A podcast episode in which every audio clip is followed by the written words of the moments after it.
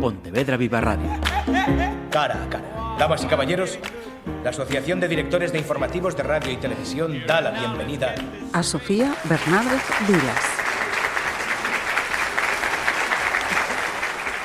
Saludos. La invitada de este cara a cara tiene 14 añitos. Va a terminar tercer curso de la ESO y este mes ha ganado el sexto concurso literario infantil juvenil sobre protección de datos que convoca anualmente el Colegio Profesional de Ingeniería en Informática de Galicia.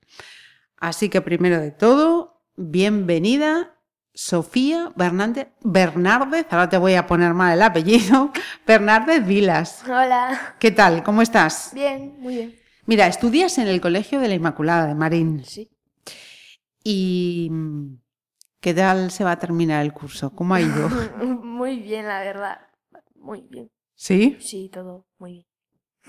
Luego voy a mirar de reojo a mami a ver si me dice que sí con la, con la cabeza. Confirma, confirma. Sí, muy bien. No es que no te crea, pero si la madre dice que sí, todavía el nivel está... mm. Mira, cuéntanos, em, ¿por qué de- te has, present- has presentado, bla, como estamos hoy, te has presentado al concurso? No sé si era la primera vez, mm, cuéntame. Pues nuestra profesora de gallego nos presentó este concurso como un trabajo opcional que nos podía ayudar a subir nota. Ah, y pues yo quería subir esa nota, así que decidí hacer este relato. Mm, Vale, eso ya me acaba de dar una pista de cómo va a terminar el curso también. Dicen, dicen muchas cosas. Tú supongo que te pusiste a pensar, a ver, hago esto, lo otro, ta, ta, ta, ta, ta, ta, ta, ta, ta, lo presentas y tal. ¿Y cómo te enteraste que habías ganado? ¿Cómo fue ese momento?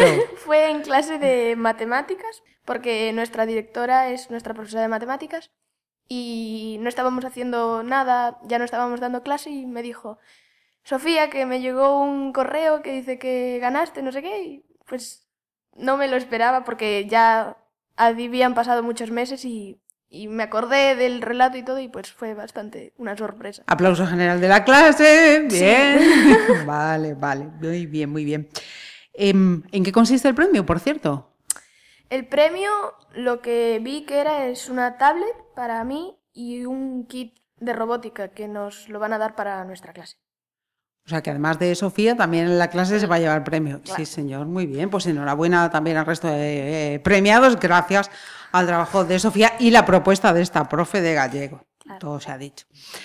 Mira, mm, estamos hablando de protección de datos. ¿Tú qué precauciones tomas cuando utilizas Internet?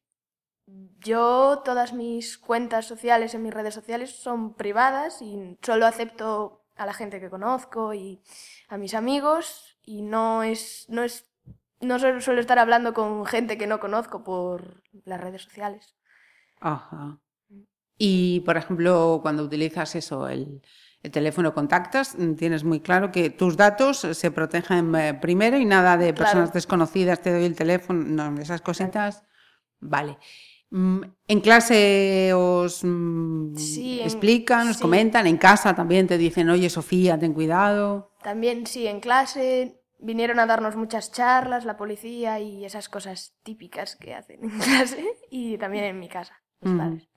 Típicas, pero también necesarias, Necesarias, ¿no? claro. Porque la cosa cada vez em, vemos Es- cosas más, sí, más es- raras y hay que es estar más atentos. Mm. La redacción, te costó mucho pensar, a ver, venga, eh, ¿Qué ¿cómo va? hago? ¿No? ¿Lo tenías No. claro? Me acuerdo que cuando tuve que hacer la redacción y me acordé, era el último día y tenía que entregarlo ese día antes de las 12 de la noche. Toma. Sí, y yo me acuerdo que era en viaje en coche justo y no tenía nada para dónde hacerlo. Entonces lo que decidí fue abrir las notas en el móvil y me puse a la noche en un viaje en coche a escribir esa redacción, a improvisarla y pues sí, quedó eso. Su madre está sintiendo, está diciendo sí, sí, sí, sí. es que no. O sea, eh, me estás diciendo que te presentas a un concurso que está abierto a alumnos de toda Galicia Mm, y que Sofía dice, anda, si es que resulta que me acaba el plazo, mm, a ver qué se me ocurre así y tal. sí. Y Zasca, te llevas el primer... O sea, que el día que lo hagas con tiempo y te lo propongas, nos haces aquí una novela. Te llamo para que nos presentes aquí una puede novela. ser, puede ser. ¿Te gusta leer? ¿Te gusta escribir? Sí, mm, escribir nunca fue algo que hiciese mucho, pero leer sí me gusta mucho. Pues ahí ya tienes más de la mitad del trabajo hecho, querida. Ya. Leyendo mucho, eh, la escritura es difícil que no. que uno, hombre, puede tener más o menos cualidades, Ya. pero la lectura es fundamental para tantas cosas, así que no pierdas esa buena, esa buena costumbre. Nos lo vas a leer ahora, pero mm. Así, a a grandes rasgos, ¿qué es lo que quieres transmitir con este relato ganador? Pues que los peligros de Internet no es algo que, esté, que veas en la tele, en las noticias y que puede ser algo que esté pasando muy cerca tuya y que te puede llegar a pasar a ti en cualquier momento. ¿Has tenido, por cierto, alguien próximo que haya tenido que seguir algún sustillo por no ser... eh, Próximo, próximo, más, más o menos amigos de amigos y esas cosas. Vale. Pues mm, cuando tú quieras, Vale. vamos a escuchar ese relato que luego vamos a poner bonito, luego lo vamos a adornar. Vale, Pero nada todo más que con esa voz y se- leyendo como me has dicho que acabas de leer mucho, ya la parte fundamental ya está va a estar hecha. DJ no ponga la canción que cada vez que suena se me rompe el corazón que cada vez que pienso en él siento que voy a enloquecer Número descoñecido. Quen diría que unha mensaxe podería estragarlle a vida a alguén? A maioría das persoas só en pensar que as historias que contaban na escola sobre os perigos do internet servían para meter medo ao alumnado e impedir que cometan erros. Pero non se paran a reflexionar que esas historias poderían estar sucedendo preto de onde viven, ou que en algún momento podería sucederlle a eles. Eran as dúas da mañá cando Elda estaba sentada na súa habitación rematando un traballo de lingua galega para a volta das vacacións de Nadal. Atopábase na cadeira do seu escritorio. Tiña os seus cascos postos e estaba escoitando unha canción. Dentro do seu dormitorio, a única luz era a dunha pequena lámpada de metal que usaba polas noites. Pola fiestra podía ver a noite e algunha luz das casas, pero case todas tiñan as persianas baixadas. Gustáballe pensar que a maioría das persoas dormían nese momento. Ao acabar o seu traballo, decidiu coller o teléfono para revisar se tiña algunha notificación nova, O normal era que tivese algunha das súas amigas ou algún correo sen contestar, pero esta vez apareceu no seu teléfono unha mensaxe dun número descoñecido. Ola, Elda, son Mario. Quen era Mario? Elda non coñecía a ningún neno chamado desa forma, pero supuxo que se Mario tiña o seu número de teléfono e sabía o seu nome tiña que coñecela de algo. Ola, Mario, coñézote de algo? Pois non creo, nunca chegamos a falar en persoa, pero vou ao colexio que está preto do teu e ás veces podo verte ao sair coas túas amigas.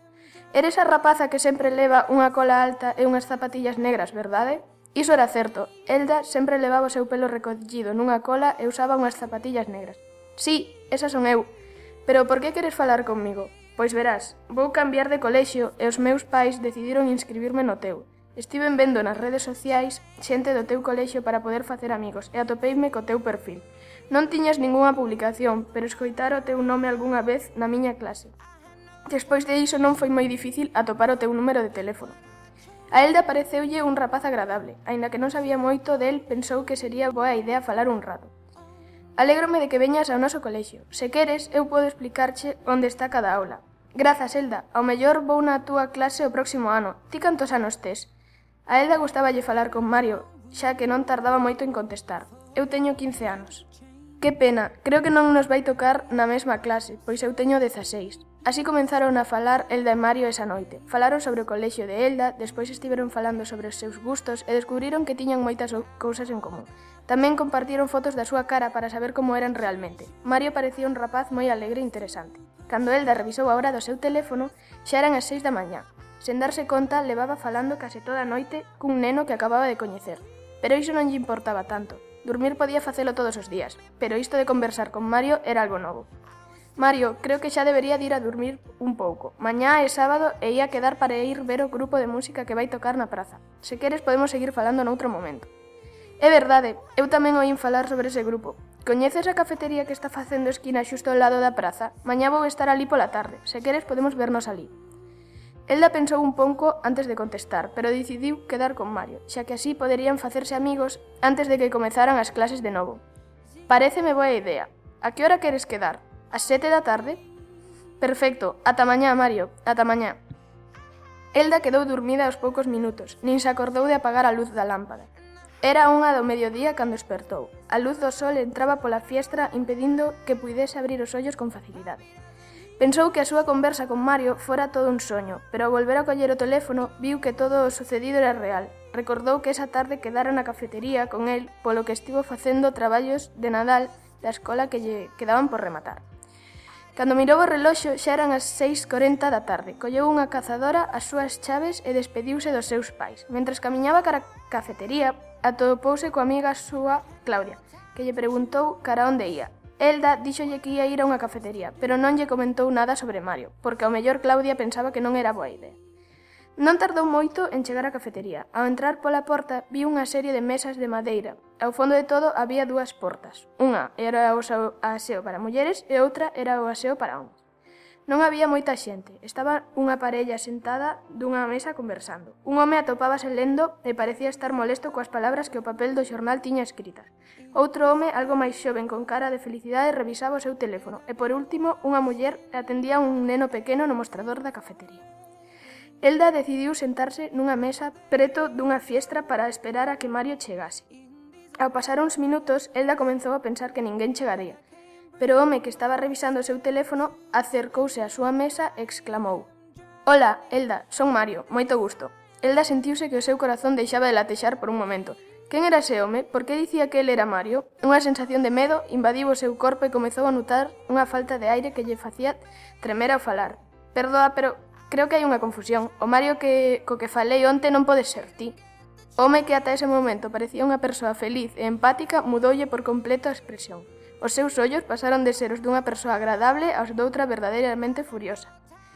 Elda, non fales tan alto. O meu nome é Mario, e aínda que non son o rapaz das fotos e tampouco teño a idade que dixen, son o home co que estiveche falando onte pola noite. A voz do home soaba hostil. Elda estivo a pouco de comezar a chorar, Non conseguía respirar ben. O Mario, co que falou esa noite, resultaba ser un home maior que, de alguna maneira, conseguiu o seu número de teléfono. Pensou nese momento no perigo que aquela rede social tiña ao permitir conseguir un número de teléfono de calquera persoa con tanta facilidade.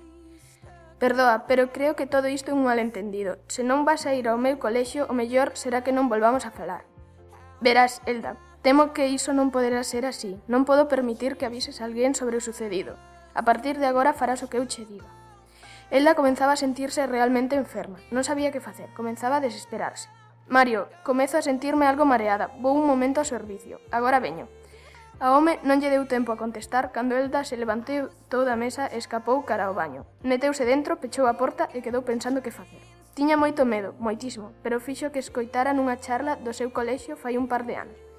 Elda sacou forzas, colleu ese teléfono e marcou o número da policía dixo onde estaba e a situación na que se topaba.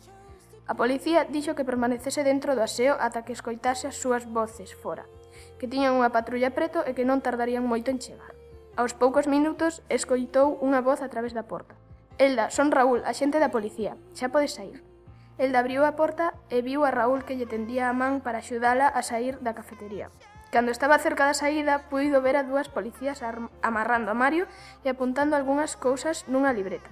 Os próximos días, Elda e a súa familia recibiron numerosas chamadas preguntando sobre cando comezaron as conversas con ese home, as fotos que enviaron e os temas que trataron aquela noite. Unha semana despois informaron de que ese tal Mario non era a primeira vez que facía iso e que grazas á chamada de Elda puideron detelo. Moitas persoas poden pensar que Mario foi o que saí perdendo nesta historia, pero iso non é comparable co medo que sentiu Elda ao volver a falar con persoas por teléfono ou co terror que sentía ao pensar sobre algunhas redes sociais e a pouca protección de datos que aportan aos menores. So go easy on